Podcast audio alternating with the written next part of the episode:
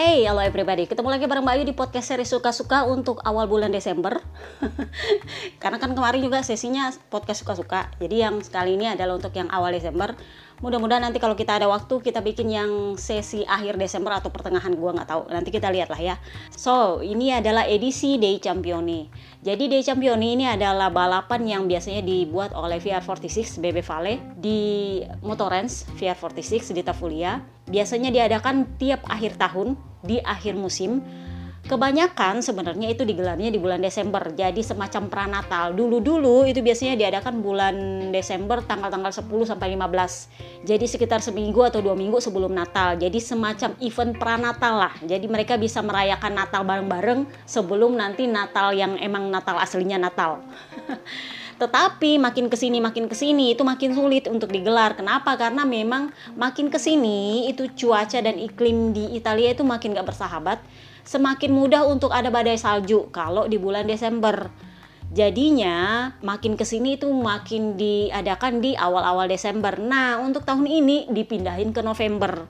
Jadi diadakan tanggal 25 sampai 27 November kemarin lebih bertepatan dengan uh, hari Thanksgiving. Sayangnya Thanksgiving itu diadakan di Amerika, bukan budayanya Italia. Jadi sebenarnya nggak ada hubungan sih Thanksgiving sama VR46 punya Day Championi. Nah, di Day Championi ini sebenarnya ada dua sesi. Sesi pertama itu adalah sesi Americana. Americana ini adalah seluruh peserta itu membalap bersamaan dalam satu track untuk kemenangan individual. Oke, okay? itu namanya Americana. Nah, kemudian sesi yang kedua itu adalah seri Championinya, Day Champione. Jadi Day Champione ini biasanya rider itu dibuat dalam beberapa tim yang nanti bentuknya jadi estafet. Jadi mereka akan keliling-keliling itu motoren selama kurang lebih 100 km, ada beberapa lap. Nanti gantian, gantian, gantian jadi nggak ada tim yang bantu yang pegangin motornya itu ya tetap ridernya sendiri juga. Jadi kurang lebihnya seperti itulah ya. Uh, itu yang seri pamungkasnya. Nah seri pertamanya itu adalah Americana. Nah kemarin itu yang dimenangi oleh Luca Marini itu adalah seri Americananya. Jadi seat untuk tahun ini itu adalah 40 rider include Kaisar Unda United Dovizioso yang pensiun akhirnya setelah pensiun baru turun di Motor Range kemudian uh, Papa Lukas juga ikut lalu ada eh, calon ikan hiu gagal Jorge Martin yang untuk pertama kalinya ikut dan dia seneng banget. Kemudian di moto tuh ada si Pedro Acosta kalau nggak salah. Kemudian Artigas dan banyak lah ya mereka. Ada dari Moto I juga ada dari MX pokoknya ngumpul semua lah ya mereka di sana. Jadi kalau bisa dibilang bagi para rider yang sudah kepencar-pencar ke sana kemari itu kalau ngumpul di Motorens di Day Championi itu kayak ibarat kata ketemu teman lama. Tito Rabat, Sultan Satu itu yang nggak pernah absen untuk ikut Day Championi dan selalu datang. Kalau kalian lihat dia ini orangnya nggak terlalu dekat dengan VR46 tapi dia adalah yang paling rajin konfirmasi kalau Day Championi diadakan. Jadi lebih kepada gue pengen hangout sama lu lah. Jadi kalau ada yang berpikir ini buat balapan, buat prestis enggak ini lebih sekadar kita ngumpul-ngumpul kita seneng-seneng bareng gak usah mikirin kejuaraan. Pokoknya have fun. Jadi hampir bisa dibilang kalau ada yang tanya ini kok yang podium rata-rata anak VR46 ya iya karena kan mereka hampir tiap minggu di situ muter-muter ya masa nggak tahu? Justru aneh kalau yang podium adalah yang bukan dari VR46 karena mereka itu hampir tiap minggu latihan di situ. Jadi untuk rider lain itu lebih kepada iya lobby-lobby bisnis, ngomong-ngomong santai, hangout, pokoknya seneng-seneng lah ya kalau buat mereka. Jadi pertama kalinya kemarin Bebe Vale turun dari singgasana juara bertahan. Bebe Vale harus puas di posisi kedua. Posisi pertama diisi oleh Lorenzo Baldassari berpasangan dengan Elia Bartolini. Posisi dua Bebe Vale sama Maro yang sebenarnya tarnya dari pole position jadi memang sebenarnya ada potensi tapi ya Bebe Vale sendiri bilang ya saya tahu sejak awal si Baldani cepet banget jadi ya udahlah mereka memang layak untuk juara. Kemudian di posisi ketiga diisi oleh Marco Bes sama Antonelli yang juga akan meninggalkan VR46 tahun depan. Jadi memang di Day Championi ini ada beredar beberapa gosip terbaru soal uh, akhir musim. Jadi Ucio itu kan memang kemarin sudah mengkonfirmasi bahwa anak-anak VR46 ada beberapa yang harus dilepas. Kenapa? Karena mereka akan pergi dari kejuaraan uh, MotoGP ada yang pindah ke SSP, ada yang pindah ke WEC. Jadi memang nggak bisa dikontrol secara penuh. Jadi menurut Ucio kami akan melepas mereka, tetapi nggak seluruhnya. mereka bisa tetap latihan di Tafulia, tetapi kontrol lainnya terutama kalau di balapan atau di tim itu diserahkan kepada manajemen mereka. Kebanyakan sih dimanajeri oleh para eh, keluarganya, tetapi ada juga yang dimanajeri oleh manajer profesional. Kurang lebihnya sih seperti itu. Kemudian di sini juga akhirnya Bebe Vale memastikan bahwa Muni VR46 itu tidak akan memutus kontraknya dari Ducati untuk bisa bergabung dengan Yamaha. Jadi kan kemarin waktu di Valencia kalian kan dengar gosip rumput sepoi-sepoi bahwa Lin Jarvis itu lobby-lobby tinggi-tinggi ke Bebe Vale yang kebetulan datang waktu itu untuk gimana caranya supaya Muni VR46 itu pindah ke Yamaha atas dasar panjangnya kerjasama mereka di VR46 Rider Academy. Jadi kan memang selama ini motor-motornya VR46 Rider Academy itu disuplai oleh Yamaha, benar? Jadi uh, Lin Jarvis bilang uh, mungkin ini waktunya lu balas budi deh Vale. Karena kan selama ini kami mendukung lu. Jadi gimana caranya? Lu pindahlah ke sini. Karena kan tahun depan kita nggak ada tim satelit nih. Petinggi di Jepang pengennya secepat mungkin ada tim satelit lagi biar bisa empat motor yang turun tetapi Bebe Vale waktu itu bilang, saya tanya dulu Uchiyo. Kenapa? Karena Uchiyo adalah pemegang kunci untuk memutuskan apakah memang bisa dipindahin atau enggak. Karena kan memang Bebe Vale bisa dibilang bukan lagi penentu kebijakan untuk bisa iya atau enggak. Kalau Uchiyo bilang oke okay, ya baru bisa oke, okay. kalau enggak enggak. Kenapa? Karena kan Bebe Vale lebih fokus pada balap mobil. Dia nggak tahu perkembangan anak-anak didiknya di lapangan. Nah kemarin di Day Championi akhirnya Bebe Vale menegaskan kita nggak akan pindah tidak sebelum kontrak berakhir. Jadi kan kemarin Lin Jarvis maunya tahun 2024 awal itu mereka sudah pindah ke Yamaha. Tetapi kan kontraknya dengan Ducati itu sampai 2024 akhir. Jadi Bebe Vale bilang no, nggak bisa. Bahkan kalaupun kalaupun tahun 2023 nanti ternyata Yamaha Jurdun dan motornya bagus, mereka tetap nggak akan pindah jadi harus selesaikan dulu kontrak dan kalau sudah selesai kontraknya baru ditimbang apakah pindah ke Yamaha atau enggak. Kenapa? Karena kalau nggak kompetitif juga Yamaha ya percuma, kita nggak bisa pindah. Begitu katanya Bebe Vale. Nah jadi ini adalah pernyataan resmi yang memastikan bahwa Yamaha itu nggak akan mendapatkan Muni VR46 tahun 2023 maupun 2024. Kalau untuk tahun 2025 ya nanti dilihat lagi performa Ducati sama Yamaha tahun 2023 dan 2024 bagaimana. Jadi memang Bebe Vale bilang nggak bisa, kita nggak bisa pindahin sekarang dengan kondisi motor Yamaha seperti itu.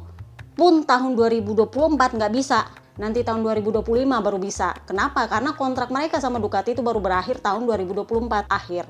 Nah, Paolo Ciabatti ditanya soal itu, soal Bebe Vale udah nggak mau pindah kepastiannya. Jadi Ciabatti bilang, ya saya minta maaf sama Yamaha karena memang kami itu kontraknya sampai akhir 2024 dan masing-masing pihak itu wajib menghormati kewajiban di dalam kontraknya. Jadi ya kalau setelahnya ya kita nggak tahu mereka akan ke mana. Tapi sampai akhir 2024 masing-masing pihak punya kewajiban untuk memenuhi kewajiban kontraknya.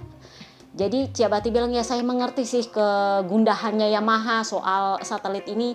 Mereka sangat mengharapkan punya satelit tetapi mereka ternyata kehilangan satelit. Jadi ya ya kurang lebihnya seperti itulah. Kita sudah punya kontrak masing-masing kata Insyabati sih seperti itu. Nah dia juga akhirnya mengklarifikasi soal tim order jadi selama ini fans toxic gabungan ABR, ABI, ABB dan segala macamnya itu itu mengatakan bahwa Jurdun konspirasi gagal Pekubanya itu jadi Jurdun karena tim order itu argumentasi pertama. Jadi itu dibantah sama Ciabati. Jadi Ciabati bilangnya kayak gini. Tim order itu omong kosong, ya itu memang resminya, tapi memang aslinya ada. gosip berhembus sepoi-sepoi itu memang ada. Tetapi perkaranya adalah siapa yang mau menurut pada tim order jadi kan kalian tahu ini tim order kan muncul setelah para rider mendapat konfirmasi dengan tim-tim barunya. Jadi Jack sudah dapat konfirmasi dari KTM, Sarko dapat konfirmasi dari Pramac, si Martin dapat konfirmasi dari Pramac, Enea Bastianini dapat konfirmasi dari Ducati. Jadi memang karena semuanya sudah settle pada tim-tim barunya, jadi ya kalian sudah nggak bisa memaksa untuk mereka mematuhi tim order, udah nggak ada bargaining buat ngancem, ngerti nggak sih? Jadi memang meskipun tim order itu turun ya terserah kepada keikhlasan masing-masing rider mau nurut apa enggak. Sejauh ini yang nurut itu memang cuma Sarko sama Marco Bes. Luka Marini nggak ada sama sekali saudara. Enia Bastianini itu paling nggak nurut. Jack Miller itu paling nggak pusing, dia nggak pusing sama sekali. Sarko ya cuma satu kali waktu di Thailand di Buriram dan itu pun dia bilang sebenarnya bukan karena saya patuh tim order sih tapi kalau juga saya maksa ya kayaknya saya akan bikin dia jatuh atau saya yang jatuh. Jadi memang dia sendiri juga bilang itu ada resiko. Tetapi dia memang mengakui bahwa ya itu ada bagian dari asas-asas Pancasilanya Ducati lah di situ. Jadi si Ciabati bilang, kalau kalian mau lihat ada tim order atau enggak, kalian bisa lihat.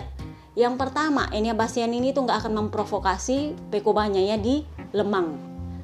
Kenapa? Karena pada saat itu, itu Peko Banyaya sangat jauh tertinggal dari Fabio Quartararo. 91 poin itu yang harus dipulihkan untuk bisa jurdun. Jadi memang kalau mau dipaksakan tim order waktu itu, sebenarnya bisa, tetapi nyatanya nggak ada. Kenapa? Karena pada dasarnya si Enia Bastian ini yang bikin Peko Banyaya jatuh. Oke, karena si Peko dapatnya ban apes terus dia nggak konsen ya udahlah dia DNF. Ya maaf. Kemudian juga dia nggak akan eh, ribut di Misano, nggak akan ribut di Aragon, nggak akan ribut di Motegi, nggak akan ribut di Sepang. Jadi sama Ciabati bilang, kalau kalian mau tanya tim order, coba tanya Enia Bastian ini itu tim ordernya mana? nggak ada yang mau patuh sama tim order ini. Jack Miller itu nggak bakal membiarkan si Peko kesulitan sendiri di Buriram dan dia finish di urutan kedua. Kalau ada tim order, dia mestinya akan turun ke belakang membiarkan Peko maju. Kalau ada tim order, kan nyatanya tidak. Jadi sama Ciabati bilang, bullshit itu, itu omong kosong. Jadi ya kalau menurut gue ya fakta bahwa Pekubanya ya Jurdun karena tim order itu salah. Memang omong kosong tetapi apakah tim ordernya ada atau enggak? Ham ham itu kan di bawah meja oke? Okay? tetapi faktanya adalah memang dia nggak pakai tim order. Karena nggak ada yang mau nurut. Yang nurut itu cuma Sarko sama Marco Bes itu pun ya segitulah. Jadi si Cabati bilang sebenarnya waktu di Sepang kami itu sebenarnya sudah kalkulasi. Kami akan marah kalau sampai Enia Bastianini itu menyalip si Peko ketika Marco Bes berhasil menyalip si Quartararo. Karena kan Quartararo itu kan P3 kemarin kan. Kalau si Marco Bes berhasil menyalip Quartararo dan dia finish P3, itu bakal marah Ducati kalau Enia Bastianini memaksa untuk menikung Peko Banyaya tetapi karena pada akhirnya Marco Markobes ketinggalan ketinggalan ketinggalan jadi ya ya udahlah ya biar aja. Pada dasarnya juga sebenarnya kalau Enia ini mau menyalip Pekobanya ya di Sepang kemarin pada kondisi si Marco Markobes nggak bisa nyalip Quartararo itu dia bilang ya kita ikhlas. Kurang lebihnya seperti itu. Jadi dia bilang kalau kalian mau lihat si Pekobanya ya apakah dia menang karena tim order atau enggak enggak karena kondisinya adalah kecuali kecuali kalau Markobes kondisinya adalah dia berhasil menyalip Quartararo di P3 si Enea Bastianini ternyata menyalip si Peko Banyayana. Itu baru dibilang melanggar tim order dan ada tim order di situ. Tapi karena si Markobes nggak bisa menyalip Quartararo ya untuk apa tim order? Kenapa? Karena pada akhirnya juga akan diputuskan di Valencia Jadi memang faktor yang menentukan di Valencia itu kemarin adalah faktor motor bukan cuman ban. Jadi udah gue bilang kemarin itu di jatah-jatahnya para Ducati dapatnya apes apes apes apes. Akhirnya alon-alon asal kelakon semua kan di belakang ngumpul. Kecuali Jorge Martin yang memang KTP-nya S kemarin karena itu kan home dia juga. Jadi ya kalau menurut gue itu juga karena faktor mesinnya jadi si Quartararo nggak bisa memaksa padahal udah pakai KW1 si Jordan Rakor sudah pakai ori malah jumpalitan kenapa? Karena motornya katanya emang nggak bisa. Dia udah paksa. Dan karena dia memaksa itu makanya dia crash katanya. Kemudian Aprilia jangan tanya DNF 22 Jadi memang para penonton jurur ini memang lagi apes-apesnya sama motornya di Valencia kemarin. Nah ini juga yang dijadikan pembenaran oleh para fans toxic soal jurdunnya Pekobanya ya. Mereka bilang ah Ducati itu emang motornya motor bagus. Eh tunggu dulu. Kita mundur dulu ke awal musim. Masih ingat di awal musim si Gigi Dalinya sampai ribut sama si Peko? Kenapa? Karena Peko itu memilih Desmo 22 itu yang berbeda daripada Desmo 22 yang dimiliki oleh para Pramak dan Luca Marini. Jadi dia memilih versi spek C. Spek C itu apa ya? Jeroan dari 2021 di upgrade dikit, nah itu jadi spek C. Nah, para pramak itu dapatnya spek B. Yang dari spek C di upgrade jadi spek B. Nah, para pabrikan Ducati itu harusnya dapat spek A, tetapi ditolak sama Beko ya, jadinya mundur ke spek C. Nah sebenarnya waktu itu tersebar gosip berhembus sepoi-sepoi Jack Miller, Jackass itu agak-agak sebel juga. Kenapa? Karena dia kan bukan rider utama. Yang menentukan mesin itu adalah Beko ya jadi dia bilang ya udahlah saya nurut aja. Apa kata tim? Saya percaya sama tim dah. Kurang lebihnya seperti itu kata Jack Miller. Jadi memang pada akhirnya hampir setengah musim Desmo milik Beko ya itu setengah mati dibandingkan Desmo milik para Pramak dan Luka Marini. Karena memang mereka beda spek. Dan waktu itu gue sempat bilang kan kira-kira Peko Banyanya nyesel nggak ya ini sampai memilih uh, spek C? Waktu itu gue bilang kan seperti itu jadi kalau kalian mau bilang si Peko menang karena motor ya nggak juga. Karena memang motornya dia itu nggak bisa bagus. Butuh sekitar 5-6 race kalau nggak salah untuk bisa dia membuktikan bahwa dia akhirnya bisa menang. Bahkan di 3 sampai 4 race pertama itu dia dalam tekanan luar biasa. Kenapa? Karena sudah dia ribut sama Gigi Dalinya, dia juga nggak bagus performanya, ditambah dengan Enea Bastianini yang waktu itu mencatatkan tiga kali kemenangan, jadi ya memang kalau mau dibilang motornya Peko ya bagus, enggak, dari awal musim itu enggak. Jadi kalau mau dibilang si Peko ya Jurdun karena motornya bagus ya kalian lihat dulu awal musim gimana setengah matinya dia sama motor pilihan dia yang lain sendiri itu. Itu kan sampai digosipin kiri kanan dibilang alah lu pilih motor lama. Waktu itu si Tarusi sampai emosi dia bilang emang lu tahu pernah nanya sama Mak Marcus dia pilih motor yang mana? Apa kalian nggak tahu dia itu pilih motor spek mana? Nggak pernah kan kalian ributin? Jadi kenapa diributin yang masalah ini? Sama aja biasa aja kali karena memang waktu itu motor pilihannya Peko Banyak itu adalah motor yang kontroversi. Jadi kalau mau dibilang si Peko itu menang Jordan karena motornya lebih bagus dari Quartararo yang enggak juga. Kalian lihat di awal musim tertatih-tatihnya si Peko Banyak ya. Sampai di tengah musim dia ketinggalan 91 poin. Jadi kalau mau dibilang apakah ini gara-gara motor dan mental justru karena dia merasa tertekan gara-gara mungkin gue salah pilih motor akhirnya dia tertekan dan akhirnya itu digabung mental tanpa motor justru hingga pertengahan musim itu dia mentalnya double-double. Kenapa? Karena di awal musim dia salah pilih motor, tertekan karena dia itu salah pilih motor, dan ditambah dia waktu itu ribut sama peri. Kemudian nyaris di pertengahan musim dia mulai tertekan mentalnya karena dia juga mulai ribut sama Enia Bastian ini, oke? Okay? Kemudian mulai dibanding-bandingkan sama Enia Bastian ini dan dia tertinggal jauh 91 poin dari Quartararo. Jadi ya memang itu kombinasi motor yang jelek plus mental yang jelek. Nah, Ducati baru membaik itu setelah ada upgrade aero kalau nggak salah setelah pertengahan musim masih ingat jadi mereka mulai ada upgrade aero, mulai ada upgrade uh, whole shot kalau nggak salah juga. Jadi ya memang perkembangan Ducati dari pertengahan musim hingga akhir musim itu yang bikin Ducati mulai menunjukkan ini motor bagus. Sementara Yamaha dari awal musim itu diulu-ulukan bagus karena mendominasi sekali hingga pertengahan musim. Tetapi setelah pertengahan musim itu penyakit lama muncul, mulai keteteran pelan-pelan ditambah dengan ya psikologi juga karena Quartararo sudah mulai wanti-wanti soal Peko Banyaya di akhir musim. Dia udah bilang mulai pertengahan musim hingga akhir musim itu Peko Banyaya patut diwaspadai. Karena apa? Karena memang dia punya pelajaran hal yang sama dari tahun lalu. Jadi memang di awal musim si Peko ini kalah mental dan kalah motor. Di akhir musim giliran Quartararo yang kalah mental dan kalah motor. Sementara Peko banyak ya mulai membaik dengan motornya dan mentalnya. Karena waktu itu dia mulai merubah mental. Oke, kita fokus pada race per race. Saya sudah nggak mikir soal kejuaraan. Kalau iya ya iya, kalau nggak enggak. Pokoknya sudah race per race.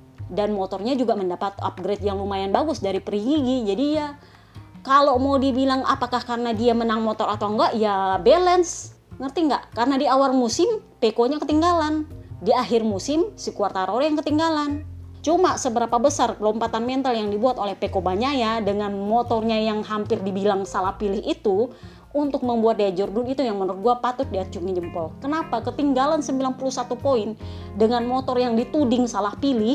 Sempat dibahas loh sama media ABR kemarin gara-gara itu soal dia salah pilih motor karena itu yang bikin Enia Bastian ini justru membagus kalau mau dibilang mau jeroan 2021 si Enia malah bagus. Kalau mau dibilang uh, spek C lebih bagus daripada spek B buktinya waktu itu kalau nggak salah si Martin sama Johan Sarko kan berhasil podium. Jadi memang waktu itu si Pekobanya tertekannya luar biasa.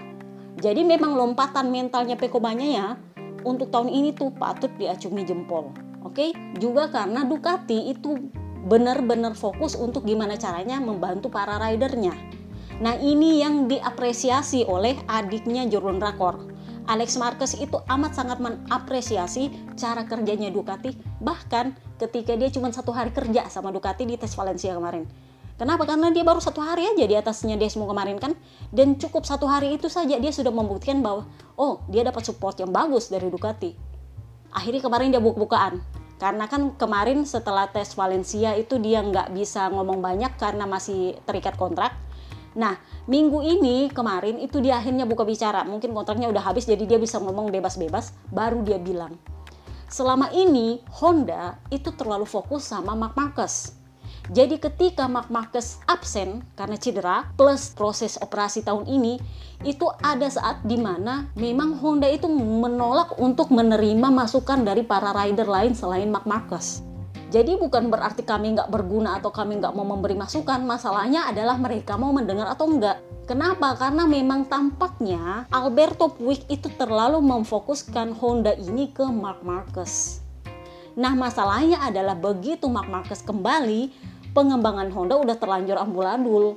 Jadi itulah kenapa waktu di Austria kemarin kan berkembang gosip bahwa Mark Marquez minta pergantian pergantian perombakan manajemen lah di tubuh Honda supaya ada satu manajer khusus yang bisa berkomunikasi dengan rider dan mengadopsi apa yang dimaksud oleh para rider.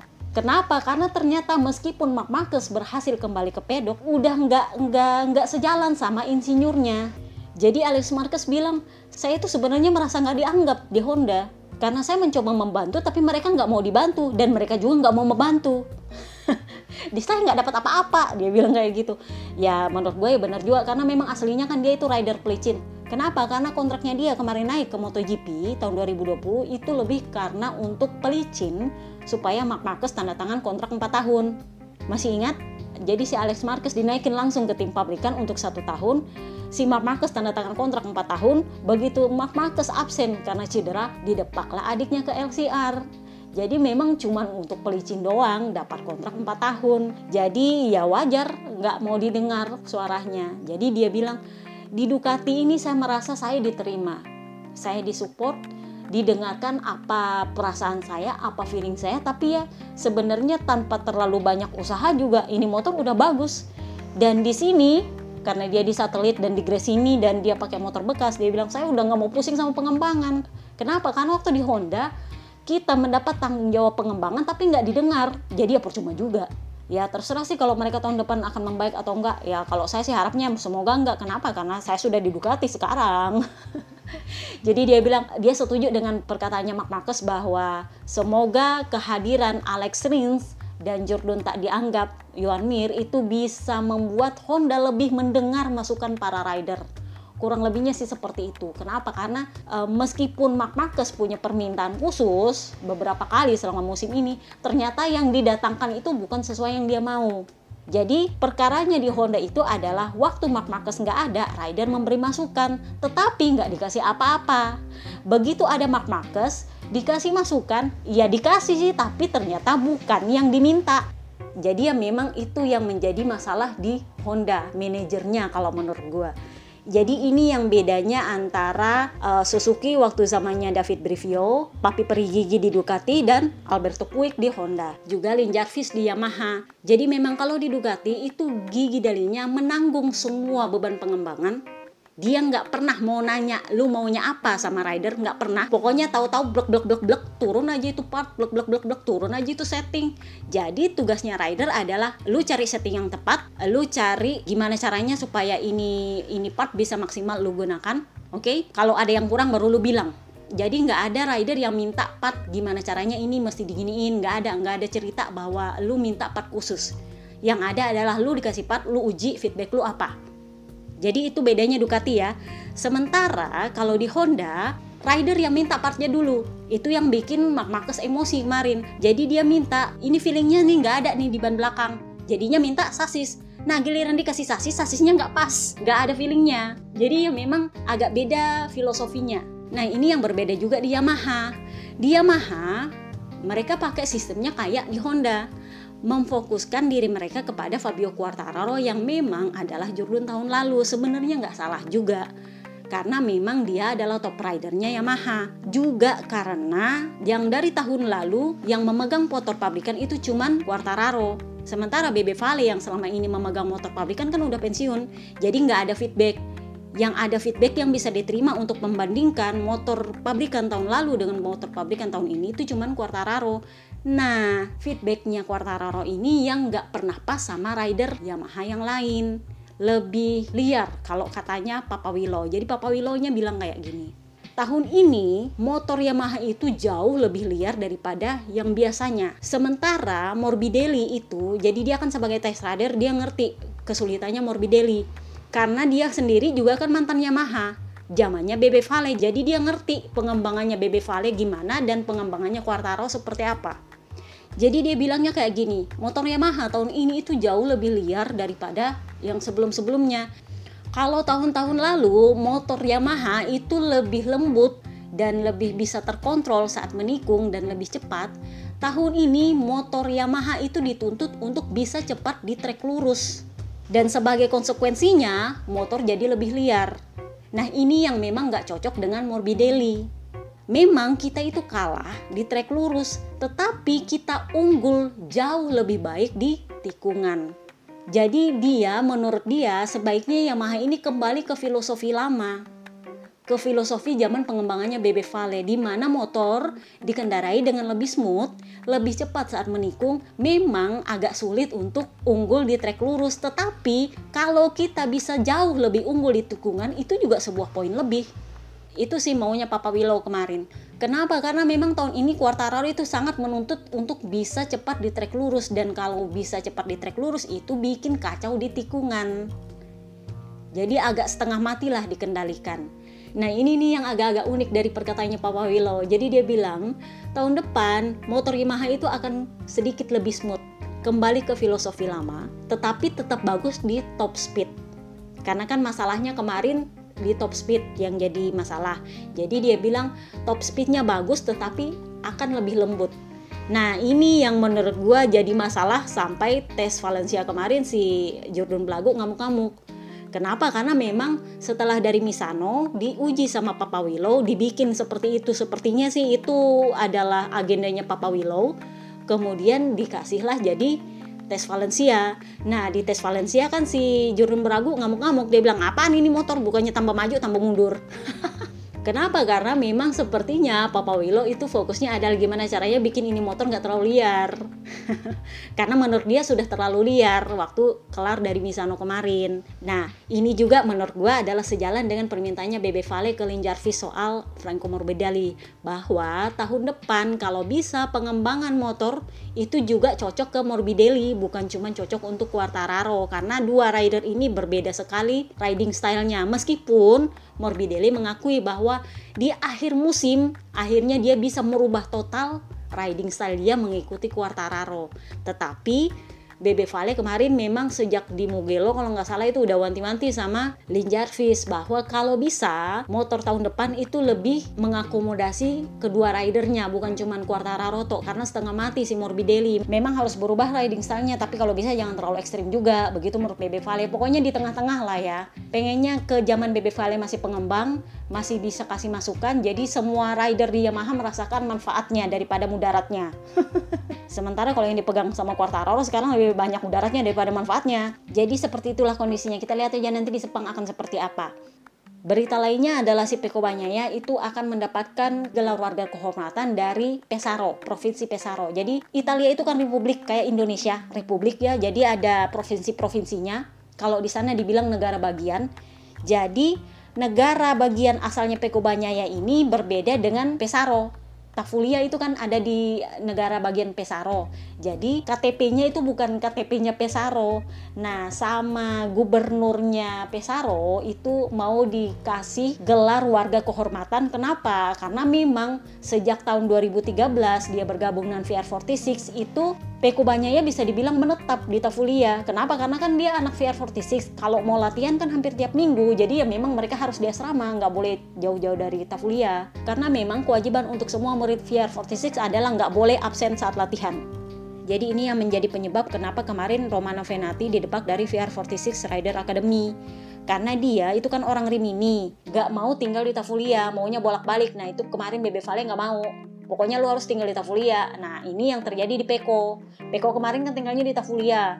Jadi bisa dibilang hampir bisa dibilang menetap lah ya berdomisili di sana. Tapi dia nggak punya KTP Pesaro karena memang dia kan bukan orang asli sana Nah, sama gubernurnya itu mau dikasih gelar warga kehormatan, EKE dapat KTP Pesaro karena judulnya Peko itu turut mengharumkan nama VR Fortisis Academy yang basisnya ada di Tafulia yang adalah bagian dari Pesaro. Jadi dia bilang e, ini untuk mengukuhkan bahwa Pesaro adalah rumah bagi mesin dan juga rumah bagi para pembalap. Sebenarnya sih rencana ini sudah disetujui oleh Dewan DPRD setempat. Gue nggak tahu apakah DPRD provinsi apa daerah kurang lebihnya seperti itu. Sisa prosedurnya gimana acaranya. Jadi nanti sisa tunggu waktu aja kapan dia resmi menerima penghargaan sebagai warga negara kehormatan di Pesaro. Oke, itu aja podcast kali ini. Sorry kalau putus-putus karena ini recordingnya siang. Gua punya banyak background, tapi menurut gue jauh lebih baik daripada kalau recordingnya malam berisik banget. Maklum bulan Desember jadi emang agak berisik kalau malam segala macam dinyalain. Oke, see you next time guys. Bye bye.